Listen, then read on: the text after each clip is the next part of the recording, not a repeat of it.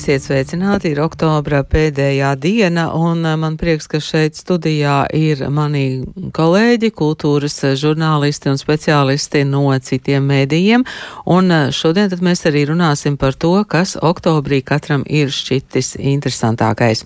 Bet vakar vakarā tiešraidē no Latvijas Nacionālās operas klasika arī sekoja pasaules opera dziedātāju konkursu operālī fināla norisei un laureātu apbalvošanas ceremonijai. Pie Latvijas Nacionālās operas orķestra diriģenta pults stājās pats konkursa patrons maestro Plāsido Domingo. Un eh, pirmajā vietā m, mm, ir opera dziedātāja tenors no Amerikas Savienotajām valstīm Antonijs Leons un soprāns no Armēnijas Džuliāna eh, Grigorjana.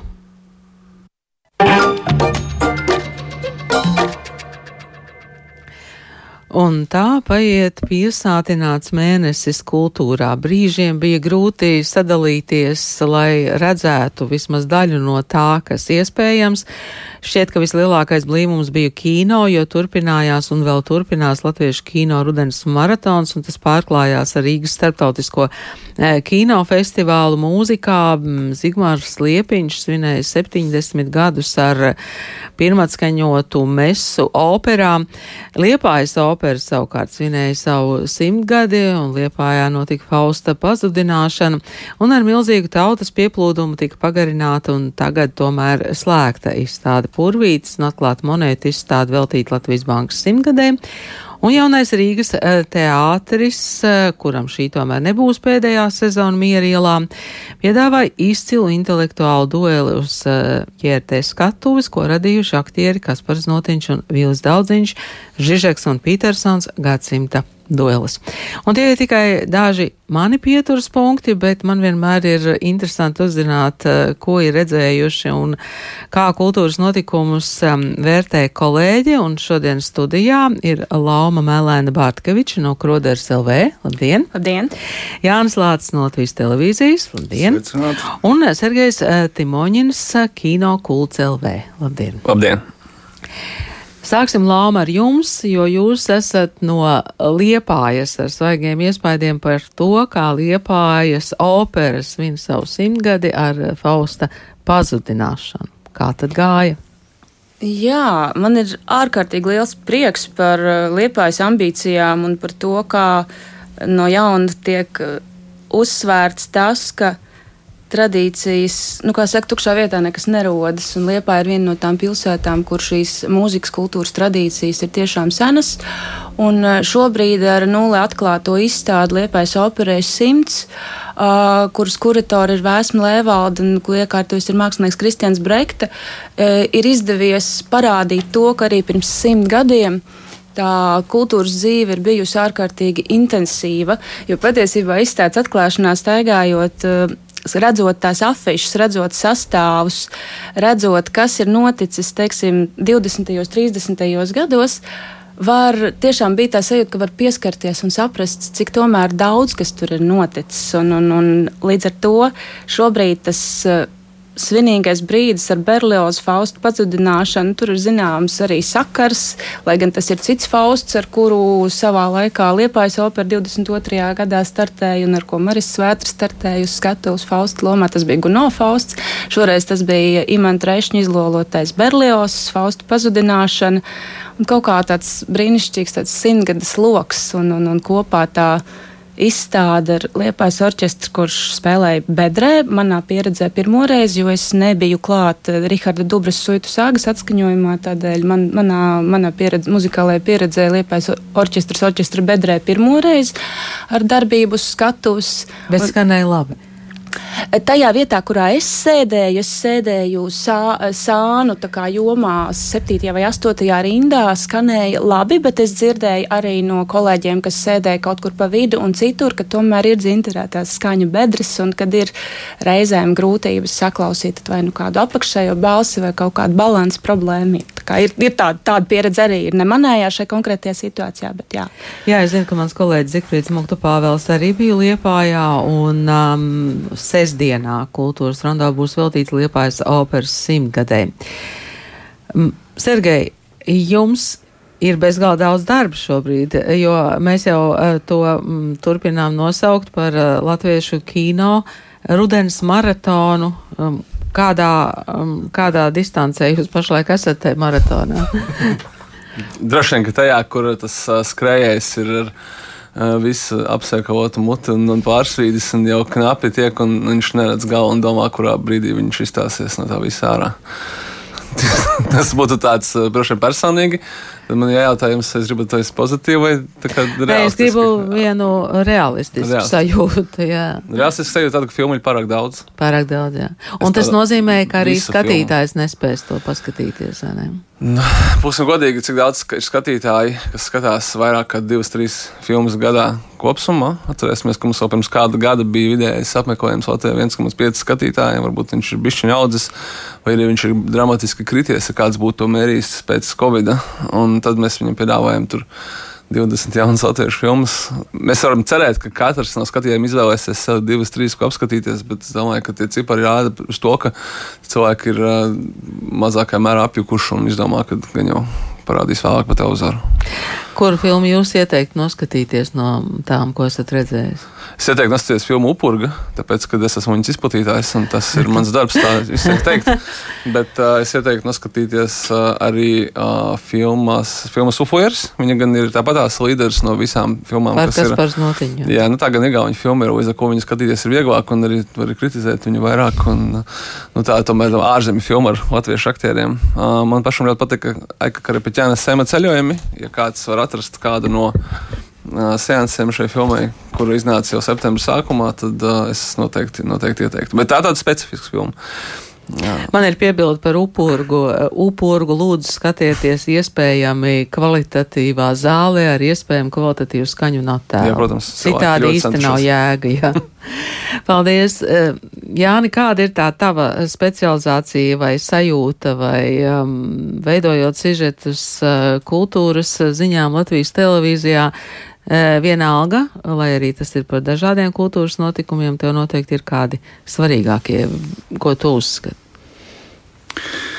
Nu, es gribētu paturpināt to kino tēmu, ja jau esam pieskārušies. Tad man tomēr arī ir tāda favori, favorīta, viens pilnīgi noteikti favorīts, ko es noskatījos salīdzinoši nesen, bet mēs jau runājam tādā mēneša nogriezumā. Mēneša, jā, vēlams. Tā ir Lindas Altas māsas, kas man um, reāli ļoti patika, ļoti ārkārtīgi, um, manuprāt, uh, labi un, un saudzīgi ir izstāstīts smags stāsts.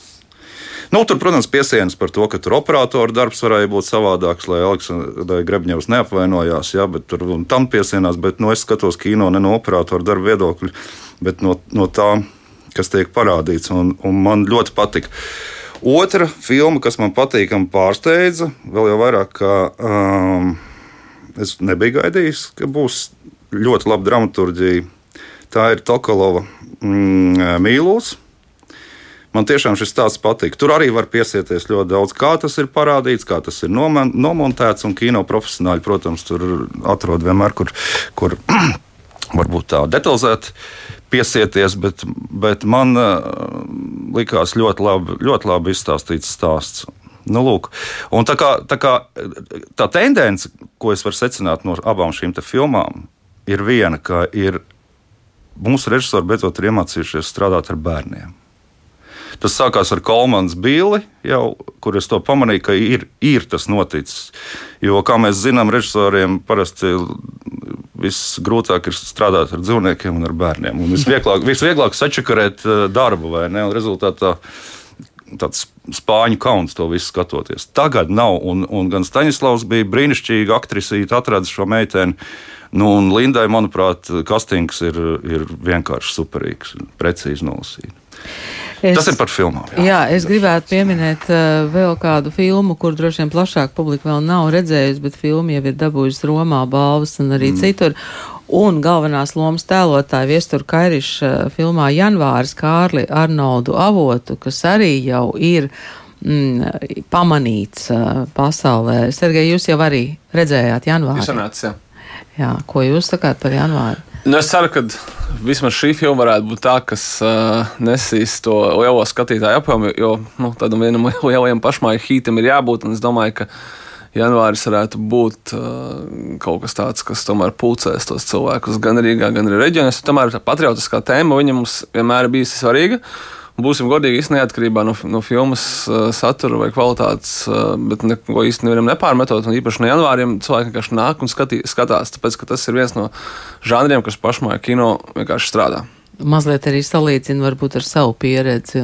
Tur ir ļoti interesanti tā dokumentālo kadru un mūsdienu kadru um, montāža. Uh, Lauma, jūs mājāt ar galvu, jūs arī redzējāt? Es jā? vēl neredzēju. Vēl nē, es ļoti gaidu, bet es ļoti priecājos par Kārļa Arnolda avotu izaugsmi, īpaši m, mm, strādājot ar kamerām, kino jomā, jo Viņam ļoti strauji ir veidojusies karjera gan uz dēls teātras skatuves, gan arī šobrīd kino.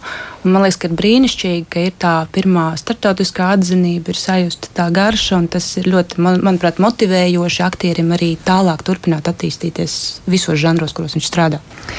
Oktobrī bija arī Rīgas starptautiskais kino festivāls. Bija arī, tas varbūt skanētu pārāk pieci, pieticīgi, bet uh, kino festivāls ir noslēdzies ar um, ar eh, filmu, kas ir īpaši izcelta konkursu programmā. Tā ir islandiešu un kopprodukcijas filma.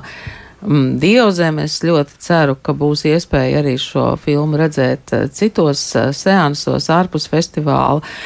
Un mēs varam paklausīties, ko Aiga Leitholde, sabiedrisko mediju portāla LSMLV autore, mm, pārdomāja un dalījās ar mums par Rīgas starptautiskā kino festivāla programmā redzēto. Šogad, manuprāt, programma ļoti atbilst devīzei. Ir, ir filmas, kuras tiešām arī ļoti labi portretē cilvēku ļaunumu. Man laikam uzreiz jāsaka, tā ir konference, kas man ļoti riebās un patika vienlaicīgi, jo konference stāsta par eh, ļoti briesmīgi. Kuras valsts filma? Tā? tā ir vācu filma un tā stāsta par galējo risinājumu ebreju jautājumā. Un jau saknē ir dziļi pretīga ideja, vai ne? Bet kā tas ir izpildīts un kā tas tiek izveidots, man, man raisīja tās pretrunība. Un tas, tas man laikam patīk, tā sajūta, ka no vienas puses saprot, ka tas ir amorāli, bet no otras puses nu, tas ir tas, ka mums ir cilvēkos dažādas sajūtas. Un, un, un, jā, un, un manuprāt, Rīga Rīga IF māca arī apzināties šīs dažādas sajūtas un, un nenosūtīt viņas. Jo tā tas ir. Dzīve notiek, un tur ir gan labais, gan ļaunais. Un, piemēram, no labās puses, nu, vakardienas Toma Harijo sēklis. Nu, nu, nu, burvīgi arī nu, vārdojami neietverami un ļoti par mīlestību un ļoti poētiski un tiešām romantiski un, un vajadzīgi šim skarbajam laikam, kad blakus jā, notiek karš, ne? Un mēs skatāmies tik maigu, juteklisku filmu. Nu, tiešām, nu, nu, ko tur sanāk, nu, jāiemīlās vienreiz? Nu, nu, tas tā. Tad, vārdu sakot, tev arī pēc šī festivāla sērijas kopumā arī būs iedvesmojums. Jā, nu es gaidu, kā man tas viss atgriezīsies atpakaļ. Jo, jo šobrīd man liekas, es esmu jau kaut kādu devīto filmu redzējusi. Nu, būtībā pat vairāk, ja nu, īsfilmas vai nebija piecas. Nu, tikai diezgan jaudīgi. Jā, nu tāds eh, bija viens mm, no ieskatiem Rīgas starptautiskā kino festivāla programmas redzētajā. Mēs šeit aizkadrā jau runājām par to, ka faktiski nevar paspēt, pat gribot, nevar paspēt noskatīties to, ko mm, piedāvā. Un, eh, nu, arī tad, kad Rīgas uh, kino festivāls starptautiskais piedāvāja filmas diezgan daudz skatīties tiešsaistē, nu, kā man teica tikko Jānis, tās, ko viņš gribēja, tās nevarēja. Es atgādinu, ka studijā ir Lauma Melēna Bartkevičs, Jānis Lācis un Sergejs eh, Timoņins. Mm, filma, ar kuru tika atklāts eh, Rīgas starptautiskais kinofestivāls un filma, kur jau ir piedzīvojusi starptautiskus kinofestivālus, Signis Baumanas filmetrāžas um, animācijas filma Mans laulību projekts. Mēs mm, šeit aizkadrā, mm, tātad Sergejs vēl nav redzējis, Lauma nav redzējis, bet Jānim ir īpaši pieredze ar šo filmu. Nu, Ko tas arī es... vēl neesmu redzējis? Nē, tas, tas, tas ka šo, šo filmu man tā paveicās, ka es viņu sāku izsakot to pašos pirmsākumos. Un, un būt pie studijā pie Signas un, un, un redzēt, kā tas top. Tā ir tiešām tāda fantastiska pasaule. Un tad izstāstīja, un viņi, es ļoti iedegos ar to ideju, jo tāpēc, tā ir Signa Bauman, manuprāt, ir ļoti drosmīgs mūsu sabiedrībai, ļoti drosmīgs cilvēks pirmkārt. Mm. Un, un, un kā režisori viņi īsteno šīs idejas absolūti, manuprāt, ģeniālā formā.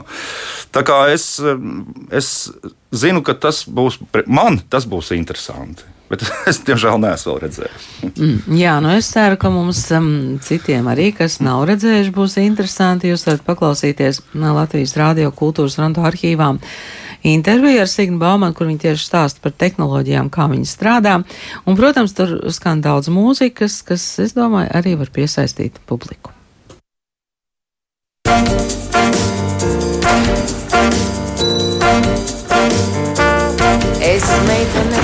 Kādai būt pieklājas, dari kā es atkārto kustības no manas kolekcijas. Es nerādu, ka saprotu, klīzdomas tukšumā. Nezināšana meiteni izrotā. Es nezinu angļu valodu, vai tagad es tev patīku. Es meitene, man košas kleitas, glītas bikses un kostīmi. Man ir smalkas kurpes un svārki modīgi.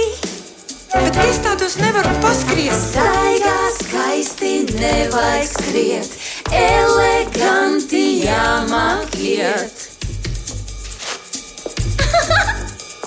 Jebkuru uzmanību jāpieņem ar pateicību.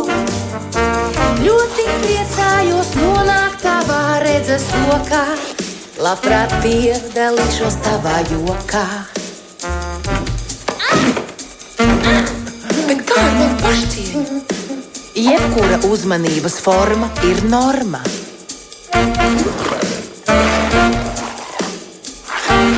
Tagad es tev patīku? Esmu, ka esmu burvīga kā zirds, ļoti mīlīga. Vēl es zinu to, ka izaugšu skaista un visu mīlēta. Nesmu gara, lai izlēktu no bara.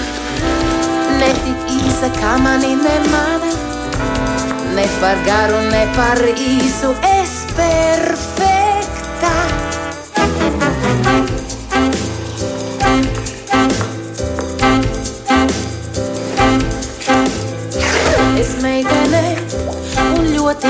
Vāja. Grūts darbs nav mans aicinājums. Man nav spēka smagumiem, tie paliek kā raļiem.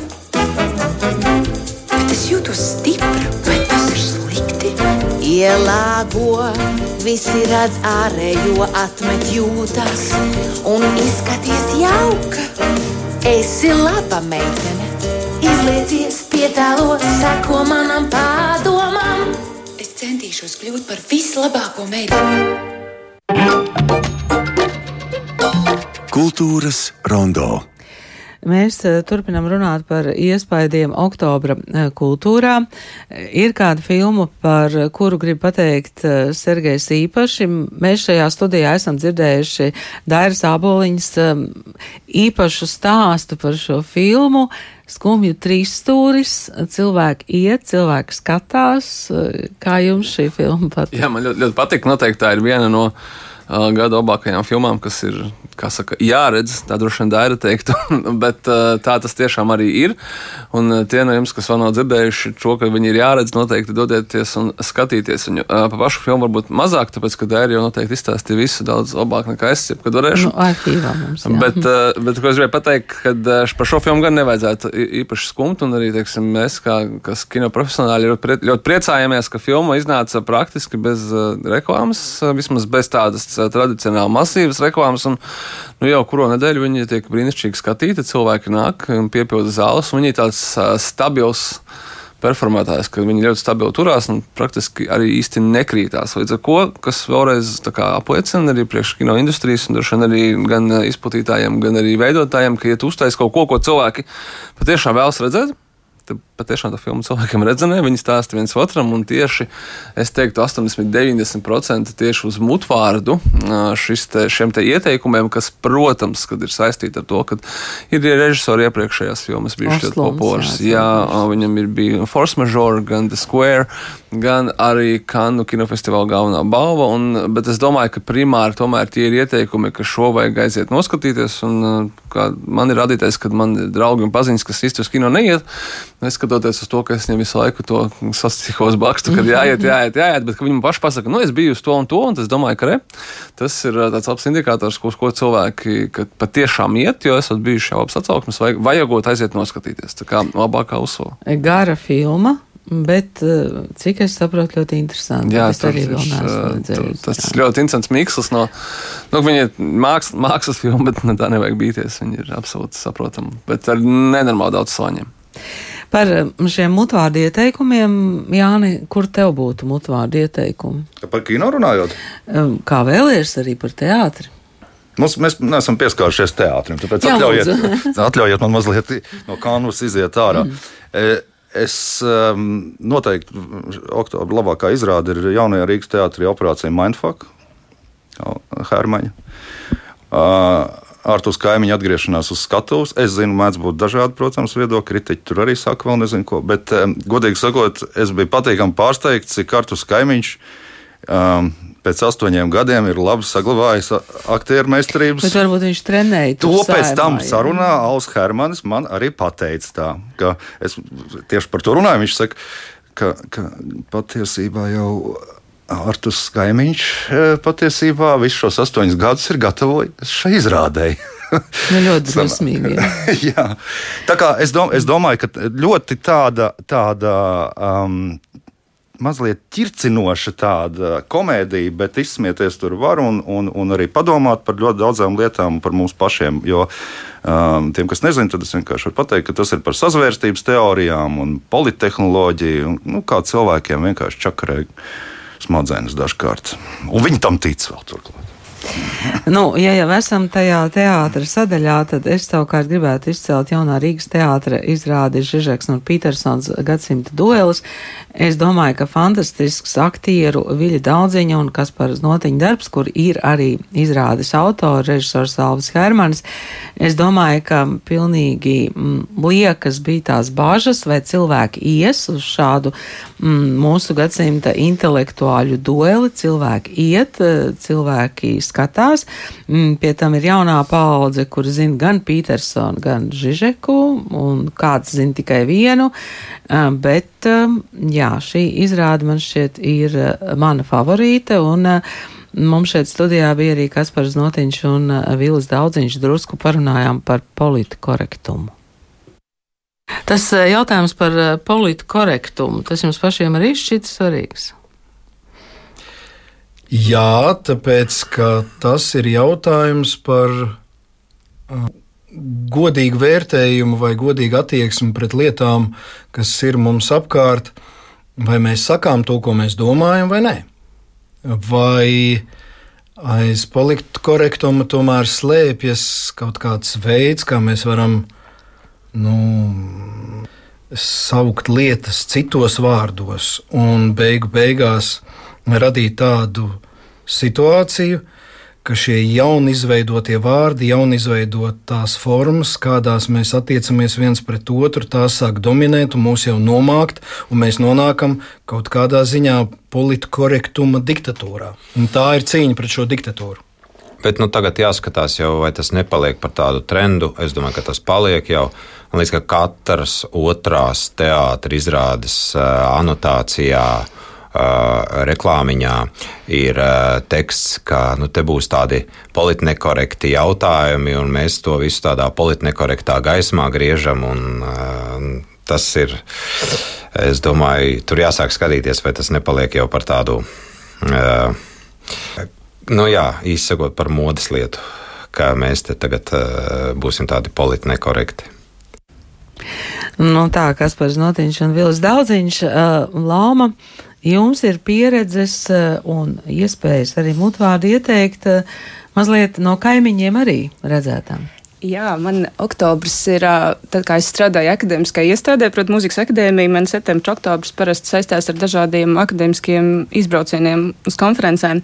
Un man bija ļoti interesanti viesoties gan Viļņā, gan Tartu konferencēs, kur es runāju par baņutu, par tātad, šo projektu, kas notika 21. gadā, tika uztaisīta opera filma, un 22. gadā tika parādīts divas izrādes Rīgā un piecas izrādes Berlīnē, klātienes izrādes. Un, Es par šo tēmu runāju gan muzikologu, gan teātra zinātnieku sabiedrībās, un patiesībā abās uh, projekts izraisīja interesi, jautājumus un arī dažādas diskusijas par tradīcijas pārvērtēšanu, par dekonstrukciju, par jauniem diskursiem un par to, kā mēs no nacionālā izējām globālā arēnā un tam līdzīgi. Un, Nu, Cits starpā tās ir tādas lietas, kur vienmēr salīdzinošā perspektīva iedod kādu citu skatu punktu. Un uh, tad pilnīgi nejauši, piemēram, Igaunijā man gadījās vienas konferences ietvarā aiziet uz operu un Vanamojas teātrī noskatīties Elma Nīganena Don Giovanni ar Jānu Apēnu titulomā, ko es arī uzzināju tikai tajā dienā, ka Jānis Apēns dzied, jo es kaut kā nu, vienkārši pieņēmu, ka tajā vakarā es iešu Igaunijā uz operu, un pat tā, nu, tā īpaši, kā saka, nu, tā, un tad man likās, jā, brīnišķīgi, jo pēdējā jauniestudējumā Jānis Apēns nedziedāja vismaz līdz šim, varbūt, ka tagad kaut kas būs mainījies, jo tur bija viesaulists, un pēc tam bija Rināls Kandelīncevs. Un, un, un, un, jā, apēns joprojām ir brīnišķīgs donžons un, un, un ļoti labi, teiksim, izpildu vokālu šo lomu. Es nerunāju ne par kādiem tur paštēliem un tam līdzīgi, bet viņam šī loma kopš studiju laika faktiski ļoti labi sēž, un šobrīd viņš ir savā vokālajā briedumā un ļoti labi dzied šo lomu. Tā kā cerēsim, ka varbūt arī mūsu iestudējumā viņš atgriezīsies. Uh, tad man bija ārkārtīgi unikāla pieredze, ko iespējams katram, kurš varbūt arī kādreiz brauc uz Lietuvu, un tas ir diezgan tuvu. Uh, es redzēju Viļņā izrādi Joza Miltiņa drāmas teātra izrādi Big Pharma. Režisors ir komponists Arturs Bumsteins. Un tas, ko viņš ir izdarījis šajā izrādē, viņš ir ar aktieriem, kā ar kori strādājot, vokalizējis viena antidepresanta recepti visās sešās sadaļās. Ar kam paredzēts, ar efektiem, blakus efektiem un tā tālāk. Īstenojot šo veco joku par to, ka labs režisors var iestudēt arī adrešu grāmatu vai nu, jebkuru tā teikt šādu tekstu.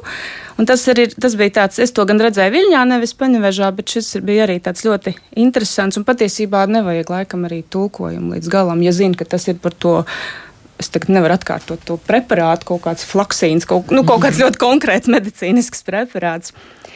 Nu, jā, bet no Latvijas koncerta dzīves man liekas, ka arī ir pietiekami intensīvi tas viss, un ir daudz koncertu, un ir daudz paralēlu koncertu.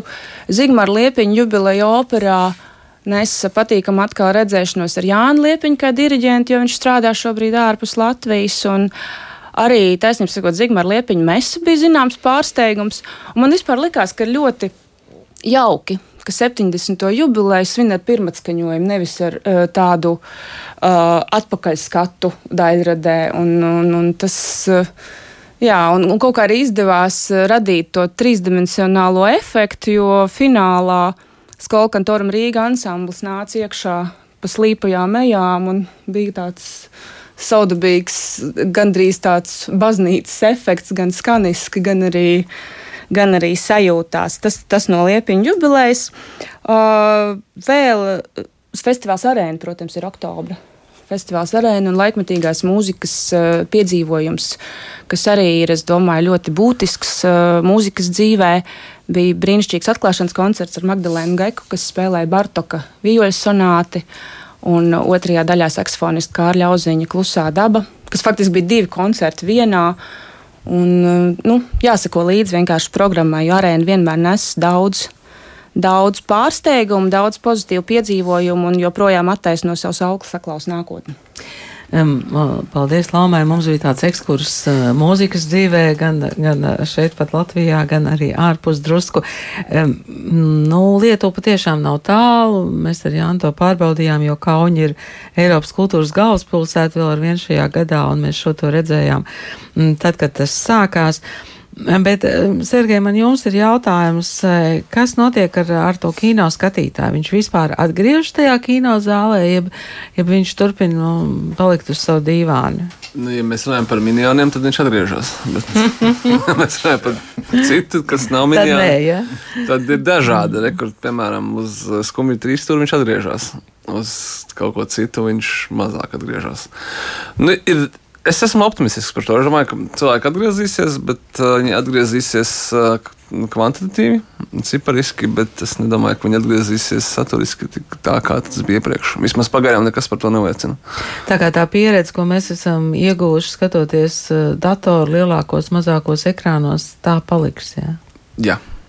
Nu, tā ir. Ā, Man jāatzīst, ka man pašam ir arī diezgan skaidrs, ka ir daudz filmu, kuras tu vari skatīties mājās. Un nevis kinoteātrī. Un, lai gan no vienas puses es teiktu, ka eh, jebkura filma ir pelnījusi lielu ekrānu, man ir jāatzīst, ka eh, daudzos gadījumos nu, Pietiek. nekas īsti nenotiks. ja Tu nenoskatīsies viņu kinoteātrī, tāpēc, ka nekas īsti nenotiks, ja tu nenoskatīsies viņu vispār. Un ā, tad, ja tu viņu vispār noskaties, tas satura ir tik ļoti daudz. Tā ir satura pārvagātības ēra, kurā ir filmas, seriāli un vispār jebkas cits. YouTube var skatīties ceļojumu blogus un nekur vairs nebraukt. Piemēram, Nu tā, tā, kā, tā kā tas tā cīņa par to lielu ekrānu kaut kādā gadījumā viņi pamatot, un kaut kādā gadījumā es domāju, viņi ir, jā, ir, ir jāsaprot, ka vienkārši cilvēkam nonākt uh, pusotru stundu viņa uzmanības lokā, tas jau ir ļoti daudz mūsdienās. Eh, Jā, tā kā mm, es domāju, ka arī šīm latviešu filmām, kas tagad iznāk, ir jādomā par to, kā viņas to savu skatītāju vispār sastop. Jā, es ja drīkst piebildīšu. Jā. Mēs esam daudz runājuši. Man, manuprāt, kaut kad arī ar Sergeju mums bija saruna par to vispār, par, eh, par ko tad ir šīs filmas. Jā. Man liekas, ka ļoti būtiski, lai cilvēki dabūtu tajā kinoteātrī iekšā, ir vienkārši ievilināti. Viņa ir ļoti saistoša tēma. Nu, pagaidām tās, tās top tēmas, tā galvenā valoda, tā ir vēsture. Es domāju, nu, pieskaitīsim arī janvāri pie, pie šīs tēmas. jā. Absolūti, tas ir Jā, jā, vēsturiski. noteikti. Jā, un, un, un, un mēs zinām, kā ir aizgājuši. Nu, nu labi, tur ir dvēselputenis un vispārējais vēsturiskās tēmas, bet eh, tomēr nomācošais vairākums ir šīs festivāla filmas, kas ir atkal. Uh, attiecību trilleris un, un, un, un, un šādas visādas, kas, manuprāt, prasa to intelektuālo slodzi cilvēkam. Daudzreiz lielāk. Es nesaku, ka tādas filmas nevajag, bet, uh, bet uh, vienkārši padomāt vairāk par to, ka uh, žanriski piestrādāt. Nu, labs piemērs ir uh, Kriminālās ekscelences fonds, ne, kurš, mm -hmm. kurš uztais, uztais ar- pa savu naudu vai neuztais filmu, un viņi diezgan labi arī skatīt, kā es zinu. Tā kā detektīvi un, un tam līdzīgas lietas, es domāju, ka mums pietrūkst kinoteātros. Tad jāsaka, ka šis kino rudens maratons man vienkārši godīgi jāatzīst, arī, kad neskatoties filmu daudzumu, viņas ir. Nu, ne, neteiksim, vi- vienmuļas būtu slikts vārds, vienādas. Viņas nav.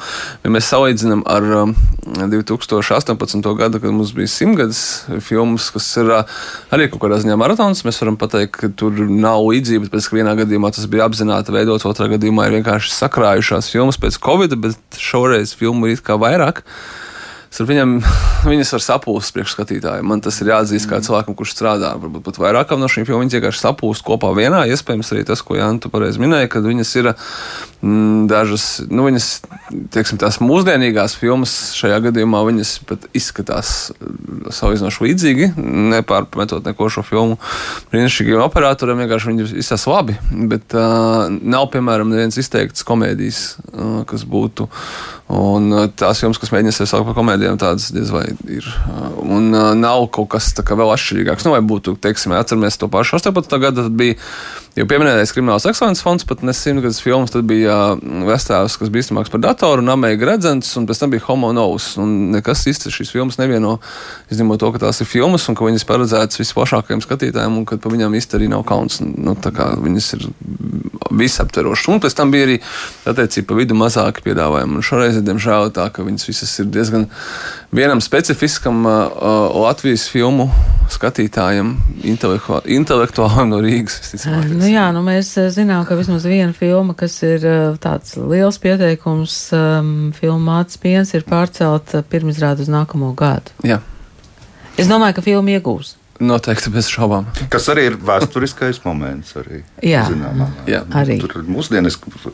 Man aizķērās tā doma par to, ka lielākā auditorija ir tas uh, intelektuālais skatītājs, jeb kaut kāds sagatavotais, nosacīts skatītājs konkrētiem žanriem. Un tad, nu, ko tad es varu teikt par nopietnu mūziku? Nu, mūzikā, vai, par, vai par, vai par, teiksim, arī dzen, kaut kādā mērā teātri. Droši vien, ka mēs runājam, droši vien, ka tie, daļa produktu, kas tiek vispār segmentēti pietiekami šaurai auditorijai, un tie ir kvalitatīvi produkti, bet tad, kad viņi sakrīt ļoti daudz vienā laikā, tad uh, ir ļoti, nu, teiksim tā, varbūt viens sabiedrības segments jūtās pārslogots, nosacīt runājot ja, no šī kultūras piedāvājuma, tad viens cits varbūt savukārt ir pilnīgi tukšs. Es gan tagad, protams, ne, nepretendēju analizēt Mhm. kaut kādas atsevišķās nišas, bet uh, šobrīd tieši tāpēc pandēmijas, pēc ekrāna pieredzes, kur it kā visiem ir tā teikt līdz kaklam un vēl drusciņi, tik un tā pieredums paliek. Un cīņa par klātienes piedzīvojumu ir visos žanros gandrīz līdzvērtīga. Tagad ir jautājums, kāds procents patērētāja, kurā žanrā viņš jau ir iekšā un kur vēl ir jāpiesaist papildus. Tas Jā, bet tas, ko jūs runājat par filmām, es pieļauju, ka režisori rakstot savus projektus un pretendējot uz Nacionālā kinocentra uh, finansējumu, uh, varbūt pat baidās šādus projektus rakstīt, kā tu teici, detektīvu vai vēl kaut ko. Nu, labi, mēs zinām, ka um, pandēmijas nauda nosacīti uh, tika iedot arī seriālām krimināla, kriminālās. Uh, mm, Kriminālajā tiesācējiem. Jā, kriminālie tiesācējiem. Jā, šai, šai, Viņš ir seriāls, bet tas ir seriāls. Tas ir seriāls. Jā. Ne, nu, es tikai pieļauju, ka tā varētu būt. Ja, ka diezai, nu, tieši tāpat kā ir milzīgs debats arī sociālajos tīklos par valsts kultūra kapitāla fondu, kāpēc vieni joprojām dabūna naudu un kāpēc citi nedabūna, un tie, kas nedabūna, tie ir neapmierināti, un tie runā par, par to, ka kultūra kapitāls uh, ir tāds, nu, ģimenes stāsts un tam līdzīgi, uh, vai kultūra kapitālā varētu kas mainīties? Vai arī nevajag mainīt? Es, dom, es nezinu, es, es uzskatu, ka tomēr Dārts Bloķis tā ir, manuprāt, diezgan veiksmīga izvēle. tagad, Viņa ir tikko kā kļuvusi par, jā. Jo, jo nu, um, protams, viss rādīs laiks, bet uh, viņa nemaldos arī no liepājas. Jā, Nu, jā.